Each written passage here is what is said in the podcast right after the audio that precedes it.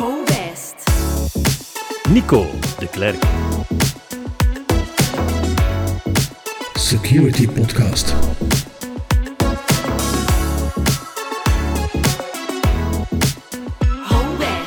Hallo, ik ben Nico de Klerk en ik heet je alvast weer welkom bij deze Security Podcast. Deze keer gaan we in op industriële security. Wat is het? En wat is er zo specifiek aan, vraag je je af? Wel, wij ook. Samen met collega Jean van Gampelaren ging ik praten met Hendrik Derre, duidelijk een autoriteit op dat vlak en vandaag de dag actief in diezelfde industriële omgevingen. We vroegen hem wat we ons moeten voorstellen bij industrial cybersecurity. Dus eigenlijk industrial cybersecurity is wat we normaal gezien binnen IT-omgeving gewoon zijn. Dus beschermen van alles van informatica, systemen, netwerken en data, maar dan eigenlijk toegepast op industriële omgeving. Dus denk daarbij aan alles van fabrieksomgeving, productieomgevingen, maar ook eigenlijk wat er bijvoorbeeld van nutsvoorziening bestaan, eh, zowel transport, watervoorzieningen, elektriciteitsvoorzieningen, um, hebben allemaal eigenlijk dezelfde ja, essentiële componenten aanwezig die behoren tot industriële controlesystemen. Dus dat valt eigenlijk allemaal onder die scope. Wat is er dan anders ten opzichte van de bestaande cybersecurity voor pakweg de IT-omgeving van het gemiddelde dienstenbedrijf? Het is een onderdeel van cybersecurity, waarbij dat eigenlijk vooral er wat een onderscheid is tussen de mindset.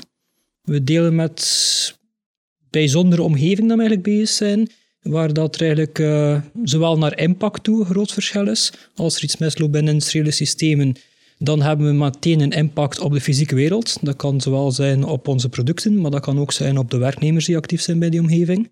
Dus dat is al een heel groot verschil. En ook zetten we heel vaak met zeer gespecialiseerde componenten en soms zelfs met wel wat verouderde systeem. Waarom is dat? Als je natuurlijk voorstelt fabriekslijn, als je die bouwt, dat is een vrij grote investering. Die ga je niet in 1, 2, 3 gaan vernieuwen. Dat zijn investeringen van miljoenen. Die worden meestal geplaatst en die worden verwacht 5, 10, 15 tot langer jaar te functioneren. Uh, we kunnen dan niet zomaar bepaalde componenten gaan uithalen of bepaalde componenten gaan updaten, zoals we gewoon zijn bij onze thuis-PC bij een normale IT-omgeving.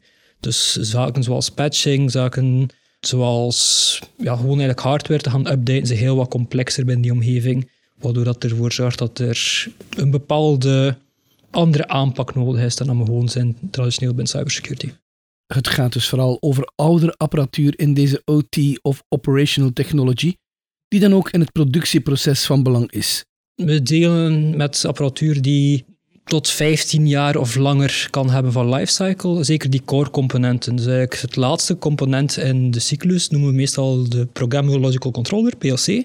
Dat is het component die effectief interfaced met de fysieke wereld. Dus dat is eigenlijk waar onze sensoren op aangesloten zijn, waar onze bedieningselementen op aangesloten zijn en ook onze actuatoren.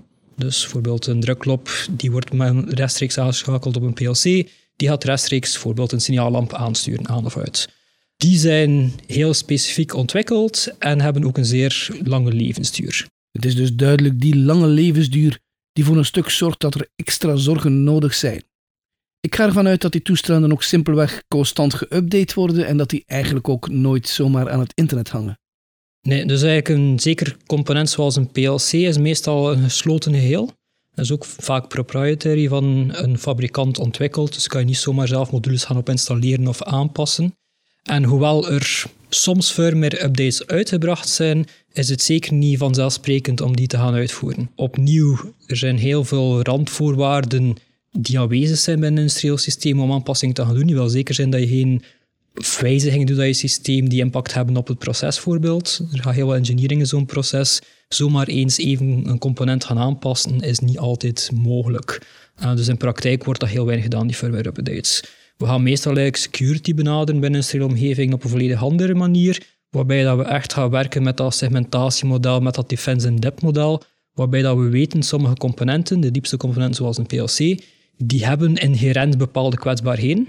Dat is door hun levensduur, dat is door de protocollen soms dat ze moeten ondersteunen. Sommige protocollen die ze moeten ondersteunen hebben geen security features in zich.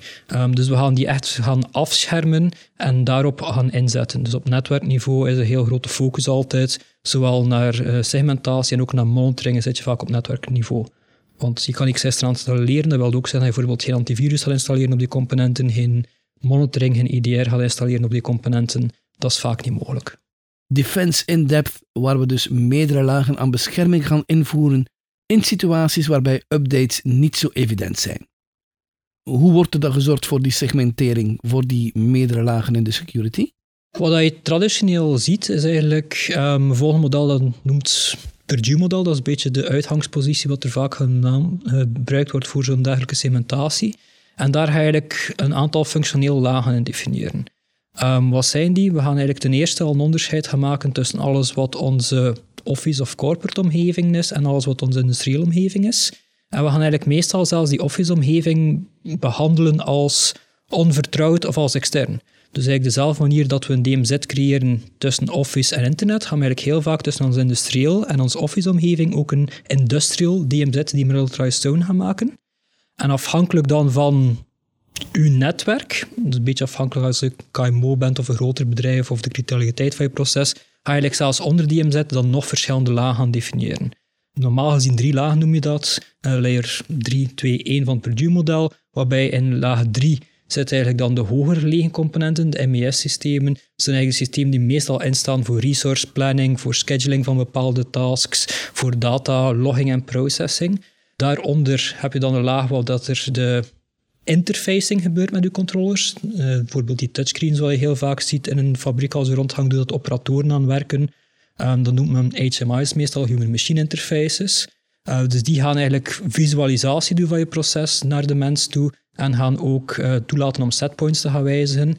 Dus dat is eigenlijk wat een tweede laag meestal is. En dan de eerste laag is wat onze controllers in zitten, de onderste laag. En die is dan effectief de directe interfacing met je fysiek proces. Soms wordt het fysiek proces nog een laag 0 genoemd. En dan tussen die lagen kunnen we extra afscherming gaan inbouwen. Dus wat we vaak zien is dat er nog een firewall ingebouwd wordt tussen bijvoorbeeld alles van een MES-systeem en de laag met onze HMI's. En soms zelfs tussen HMI's en PLC's. Extra firewalls lijken me dan ook echt wel een belangrijke maatregel. Hoe gebeurt die segmentatie technisch dan? Is dat op basis van verschillende VLANs? Kan op verschillende manieren opgedeeld worden. Je kan inderdaad gaan spreken dat zijn drie VLANs zou de meest eenvoudige uitvoering zijn. Dus ja, ze effectief gaan definiëren in specifieke netten. Wat je ook meestal nog gaat doen bij een klein beetje ja, een industrieel systeem van een bepaalde omvang, is binnen die lagen nog gaan opdelen in functionele cellen. Um, als je fabriek voorstelt, je hebt heel vaak specifieke onderdelen in je fabriek. Je een eenvoudig voorbeeld neemt, je kan een bepaalde doseringsinstallatie hebben eerst, dan kan je bepaalde bakinstallatie, verwarmingsinstallatie hebben en dan een verpakkingsunit op het einde. Die drie units zijn functioneel een bepaald geheel. We gaan die voorbeeld in ook een specifiek subnet steken. Dan noemen ze dat meestal het zones en conduits model, een specifieke security zone van maken. En ook tussen die zones gaan een monitoring doen van verkeer en limitaties doen van wat er kan communiceren. Er is in normale omstandigheden geen reden waarom de controller van de verpakkingslijn zou moeten communiceren met de controller van doseringslijn, bijvoorbeeld in het begin. En dat zorgt ervoor, als we ooit een incident hebben, dat het ook beperkt wordt tot een deel van onze plant en niet een globale impact gaat veroorzaken. Dus we gaan ook het east-west verkeer zogenaamd, dus naar links en naar rechts in het model, gaan afschermen en gaan limiteren. Het extra opdelen in zo'n klein mogelijke stukjes van de volledige installatie met volledige firewalling en monitoring zijn dus van belang.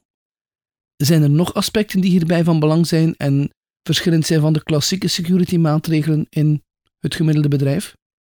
Dus de controle gaan we meestal doen met gekende technologieën zoals firewalls. Dat zijn wel firewalls die aangepast zijn om de industriële protocollen specifiek te gaan ondersteunen. De meeste van door vandaag de dag hebben wel modellen die die protocollen ondersteunen. Soms zijn ze ook aangepast om te kunnen omgaan met de ja, omgevingssituatie binnen de industriële omgeving. Je kan gerust voorstellen, stof, trillingen, temperatuur is heel iets anders wat we normaal zien in een datacenter voorbij zien komen, logischerwijs. Um, dus dat is één aanpassing dat we hebben. Nu, voor monitoring zelf spreken we meestal over netwerkmonitoringssystemen. Die bestaan uiteraard ook voor corporate systemen, waarbij dat we data gaan effectief aftappen. Als dat nu is via een mirror of spanpoort of via een fysieke tap dat we installeren inline, dat maakt niet uit, maar we gaan eigenlijk een kopie nemen van ons volledig netwerksysteem en we gaan die dan aan speciale analysesoftware voeden. Die analysesoftware is in staat voor op basis van die volledige netwerkcapture dan een analyse te gaan uitvoeren. Dat kan zowel zijn naar statistisch, dus er kunnen al bepaalde alarmen gegenereerd worden als we plots grote bursts zien in traffic, als we zien dat er plots de throughput verhoogt, verlaagt. Want dat is eigenlijk iets wat we net niet verwachten binnen een industriële omgeving. In een is traditioneel zeer, zeer voorspelbaar. Je gaat die ontwikkelen, engineeren, die gaat 10, 15 jaar in productie zijn. In die 10, 15 jaar verwachten we eigenlijk dat die min of meer op dezelfde manier blijft werken. Dus een zeer, zeer voorspelbare omgeving. Dus we kunnen al met statistiek wat doen. Wat we ook natuurlijk doen, is traditioneel op basis van regels bepaalde zaken gaan herkennen. Bijvoorbeeld een portscan, dat heeft een vast patroon dat we zien daarop. Op basis daarop kunnen we triggeren. Ook een beetje zoals een antivirus werkt. We kunnen bepaalde data in de pakketten gaan herkennen. En oké, als die in lijn ligt met wat we normaal zien bij malware zien, kunnen die ook gaan triggeren. Dus dat is perfect mogelijk. Um, die monitoringsysteem, die industriële, zijn ook in staat om volledige industriële protocollen te begrijpen. Dus kunnen we zelf gaan op niveau van, oké, mijn controller krijgt hier nieuwe controlelogica ingeladen. Dat kan niet zijn als dat niet tijdens maintenance is, dat een groot probleem is. Uh, we kunnen ook zien van een bepaald setpoint, bijvoorbeeld het toerental van mijn motor, dat wordt hier gewijzigd naar een waarde dat eigenlijk buiten de specificaties ligt. Dat is ook iets wat we net wel gaan detecteren. Dus die zijn in staat voor zowel op basis van specifieke threats te gaan detecteren, dus malware, gekende bedreiging te gaan detecteren, op basis van statistische gegevens, als ook op basis um, van eigenlijk controlelogica, laat het zo even noemen. Zaken die buiten het verwachten liggen voor het productiesysteem. Je sprak daarnet over specifieke protocollen die gebruikt worden in deze industriële omgevingen. Welke zijn dat dan en waarom zijn die dan ook speciaal? De meest gekende, denk ik ongetwijfeld binnen security, is Modbus. Uh, Modbus is een mooi voorbeeld omdat dat oorspronkelijk een van de eerste industriële protocollen was. Denk in 1979 ontwikkeld zelfs. Uh, maar als serieel protocol. Als je lang genoeg teruggaat, en bij industriële omgeving moet je zelfs niet zo heel lang teruggaan, dan was alles nog volledig op serial-based. Maar Modbus is zo'n voorbeeld waarbij dat eigenlijk de logica van het serieel protocol gewoon binnen TCP-IP-frame geplaatst hebben en dat Modbus TCP genoemd hebben. Die zie je vandaag de dag dat door heel veel vendoren ondersteund. En door zijn eenvoud is het ook een van de meest bestudeerde protocollen. Het is heel eenvoudig om dat protocol te gaan analyseren. Het is maar een heel beperkt aantal mogelijke waarden dat ze functiecodes kunnen hebben erin. Dus dat is eigenlijk iets wat een makkelijk uitgangspunt is. Andere protocollen dat we veel zien binnen Europa zijn dan meestal gelinkt aan een specifieke vendor dat we gebruiken. Bijvoorbeeld Siemens heeft een heel groot marktaandeel. De industriële protocollen van Siemens zijn dan eigenlijk ons Profinet, dat is Ethernet gebaseerde, of Profibus, het seriële variant ervan. Dat is iets wat we vaak terug zien komen. En niet te vergeten, ook alle vendoren hebben praktisch nog propriëtaire protocollen, om het zo even te noemen. En dat zijn eigenlijk de protocollen die ze gebruiken zelf tussen hun programmeeromgeving, bijvoorbeeld hun software om die controller mee te programmeren, en de componenten zelf. Of bijvoorbeeld tussen de HMI, de visualisatie, en hun controller zelf. Die zijn niet publiek gedisclosed, maar vaak wel genoeg gereversed dat zaken zoals Wireshark, uh, zaken zoals die monitoring CFC daar perfect op aangepast zijn en ook daar kunnen op inpikken, op dat verkeer. Industriële security komt steeds meer in de kijker. Zeker ook gezien de geopolitieke situatie van onze moderne tijden. Is het nu eigenlijk goed of slecht gesteld met die industriële omgevingen vandaag? Zijn er ook evoluties in die wereld? Ja, dus enerzijds, we zien veel meer aandacht voor industriële omgevingen. Zowel in de positieve zin als binnen de security-wereld komt veel meer aan bod het topic. Ook naar opleidingen, uh, events die rond georganiseerd worden, zien we daar enorme toename. Onderzoek naar kwetsbaarheden zien we enorme toename. Maar die heeft uiteraard de keerzijde dat ook mensen met minder goede bedoelingen, aanvallers, uh, er ook veel beter op de hoogte worden. En wat zien we ook um, vandaag de dag, als wij een onderscheid maken van hoe wordt industriële omgeving geïmpacteerd, is meestal nog altijd collateral damage. Is het meestal nog altijd een IT-systeem is geïmpacteerd, bijvoorbeeld een ransomware, en door bepaalde tekortkomingen aan netwerksegmentatie bijvoorbeeld, heeft die zich kunnen verspreiden naar de industriële omgeving. Of de systemen vanuit de Office-omgeving zijn zo cruciaal voor de werking van onze industriële omgeving, dat we ze ook nog altijd moeten ja, onze productie stellen omdat de Office-omgeving gencrypteerd is. Dat collateral, wat zien we meer en meer, dat er nu eigenlijk specifieke malware of aanvallen uitgevoerd zijn die als volledig doel hebben de industriële omgeving te impacteren. En ergens is dat logisch. Als we kijken naar wat de motivatie meestal bij cybercriminaliteit is, is het oftewel financieel. En als een bedrijf financieel wil raken, waar ga je de meeste financiële impact hebben? Meestal bij de productie. Als je een productiebedrijf bent, dan is je volledige bestaansreden net het feit dat je produceert. Ook al heb je ongetwijfeld waardevolle data, ook is het zeer vervelend als je geen e-mails meer hebt, maar je productie is je core. Dus als ze die leggen, heb je als cybercrimineel veel meer een hefboom om eigenlijk hun te dwingen om te betalen. En ook zeker als je nog in rekening houdt van die systemen zijn veel complexer, veel moeilijker voor te recoveren. Ze zitten met die legacy, dat je niet zomaar eenvoudig opnieuw Windows 10 kan opspinnen. Uh, dus er is meer kans dat de slachtoffer zal betalen als die impacteert. En de andere kant, we hebben ook cybercriminelen die gewoon gaan voor impact. Um, al nu gaat politiek gemotiveerd, zeker met de huidige geopolitieke situatie, zien we heel wat voorbeelden in Oekraïne daarvan. Uh, maar cyberactivisme is ook zo een dat heel vaak voorkomt. En daar opnieuw, waar creëer de meeste impact? Waar heb je de meeste ook visibiliteit naar je acties die je gaat creëren? Net bij die productieomgeving. Als je een deel van het energienetwerk van een bepaald land kan gaan neerhalen, dan gaat dat veel meer impact op de bevolking van het land hebben dan als je bijvoorbeeld het e-mailverkeer van de overheid platlegt. De doorsnee burger zal daarvan horen op nieuws, maar heeft geen rechtstreekse last dat je kan e-mailen naar je overheid. Dus dat is eigenlijk wel echt wat we zien opkomen.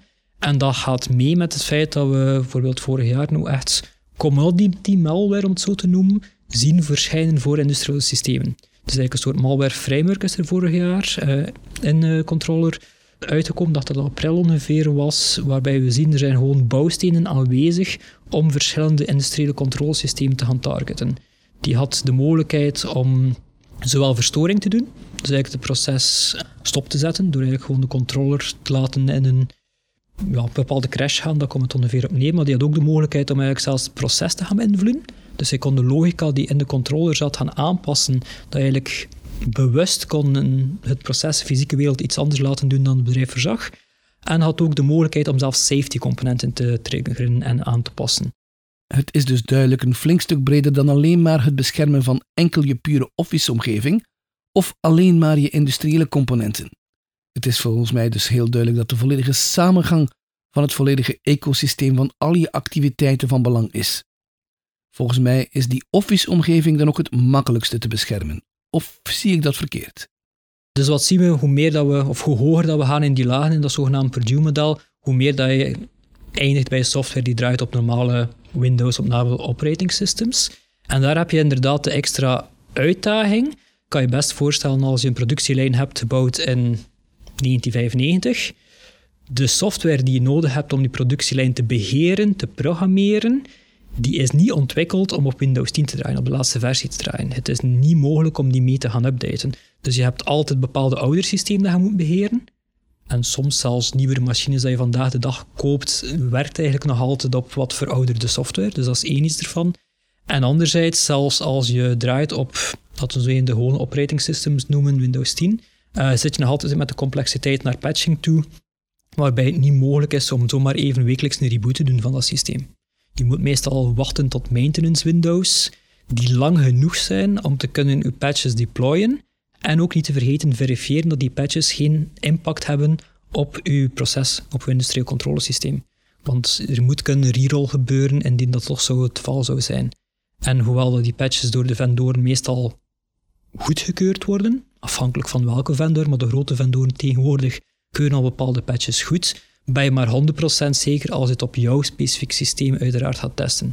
Die systemen zijn purpose-built voor jouw proces, hebben vaak componenten van verschillende fabrikanten, dus je kan maar 100% zeker zijn door te testen. Dus je wilt altijd genoeg ruimte hebben om ook te kunnen rerollen indien dat er toch iets van impact zou zijn.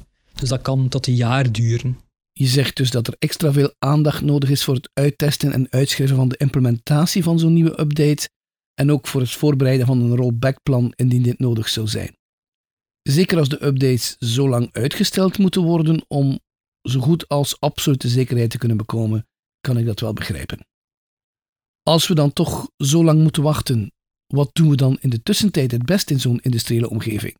eerste is effectief inzetten op waar we controle hebben en inzetten ook op monitoring. Dus we gaan heel vaak op focussen op het netwerk, zowel naar segmentatie. We weten dat sommige componenten bijna by design kwetsbaar zijn. En dat is meestal op basis van de protocollen die ze moeten bijvoorbeeld ondersteunen, of door de levensduur. We kunnen ze vandaag gaan kopen perfect veilig. We weten allemaal in security wat vandaag veilig is, binnen 15 jaar is dat niet meer veilig. Dus we gaan moeten inzetten op die segmentatie, op dat netwerk. En anderzijds, uiteraard, patching en dergelijke is moeilijk, maar dat wil niet zeggen dat we natuurlijk moeten zeggen dat dat mogelijk is. Uh, wat we bijvoorbeeld doen voor patching is eigenlijk patches individueel ook gaan een bepaalde klassificatie geven. En op basis van de criticaliteit gaan we eigenlijk ze proberen in te schedulen. Wat bedoel ik daarmee? Als je bijvoorbeeld een kwetsbaarheid hebt op een component die external facing is, ik zeg maar iets, uw VPN-router die rechtstreeks bereikbaar is naar het internet, als die een kwetsbaarheid heeft, heeft die ernstig is, dan ga je die bijvoorbeeld toch ernstig genoeg inschatten dat je downtime eist, dus eigenlijk productieproces een deel soms kan gaan stilleggen om die te gaan updaten. Dus dat zijn echt heel ernstige kwetsbaarheden, noemen ze meestal als patch now. Dat is een zeer, zeer kleine subgroep. En eigenlijk meestal zien we dat die ook voorkomen op componenten die je kan updaten en herstarten zonder dat je volledig productieproces uh, neergaat. Bijvoorbeeld een VPN-browser. Je hebt even geen VPN-access tot je omgeving, maar je productieproces kan perfect blijven verder lopen. Wat hebben we voor heel veel andere kwetsbaarheden? Is eigenlijk dat die maar uit te buiten zijn als er al andere voorwaarden zijn voldaan. Bijvoorbeeld, er moet toegang zijn tot het subnet waarin dat specifiek component zit. En die toegang hebben meestal op verschillende niveaus al afgeschermd. Dat zijn dan de zaken die we gaan zeggen, oké, volgend plant maintenance, dat kan binnen zes maanden zijn, dan gaan we daarop inzetten. Dan hebben we echt een volledige planning, patch planning klaar liggen. We maken daar een volledige flow proces ook rond, dat we die kunnen efficiënt deployen, testen en nodig rerollen. Dat is allemaal voorzien van tijd. En dan hebben we een cyclus waar we gemiddeld om de drie, zes maanden uh, bepaalde daken kunnen updaten. Er is ook nog altijd een groep van kwetsbaarheden die overblijven, waar we vaak eigenlijk heel weinig effectieve risk reduction mee doen. Stel, je hebt je controller, die is kwetsbaar aan een bepaalde vulnerability die toelaat om je controller te herstarten. Dat klinkt heel ernstig, maar je kan exact dezelfde impact verkrijgen door de software van de fabrikant te gebruiken zonder iets van authenticatie of iets van wachtwoorden. De effectieve impact van die kwetsbaarheid voor ons als industrial security is eigenlijk nul. Dat zijn kwetsbaarheden dat we typisch gaan doen als we eens een zeer lange downtime hebben of een deel van de lijn gaan updaten, maar waar we eigenlijk geen tijd voor zullen vereisen van onze productie. Want het is natuurlijk altijd zo, industrial security is heel erg afhankelijk van automation van onze business sides. Alles wat wij doen, dat tijd vergt, kost handen van geld. Dus het is altijd een afweging tussen wat is het risico waard en welk risico vinden we acceptabel. Oké, een eh, goede afweging is daar dus cruciaal. Wat moet je eigenlijk allemaal kennen om morgen in de industriële security aan de slag te kunnen? We zien eigenlijk mensen die in industrial security aan de slag zijn, komen typisch van beide kanten. Dus eigenlijk beide werelden, dan bedoel ik de traditionele IT-security en de traditionele automation engineering. En je hebt eigenlijk wat een doorsnede van beide kennissen nodig om echt als industrial cybersecurity expert aan de slag te kunnen gaan.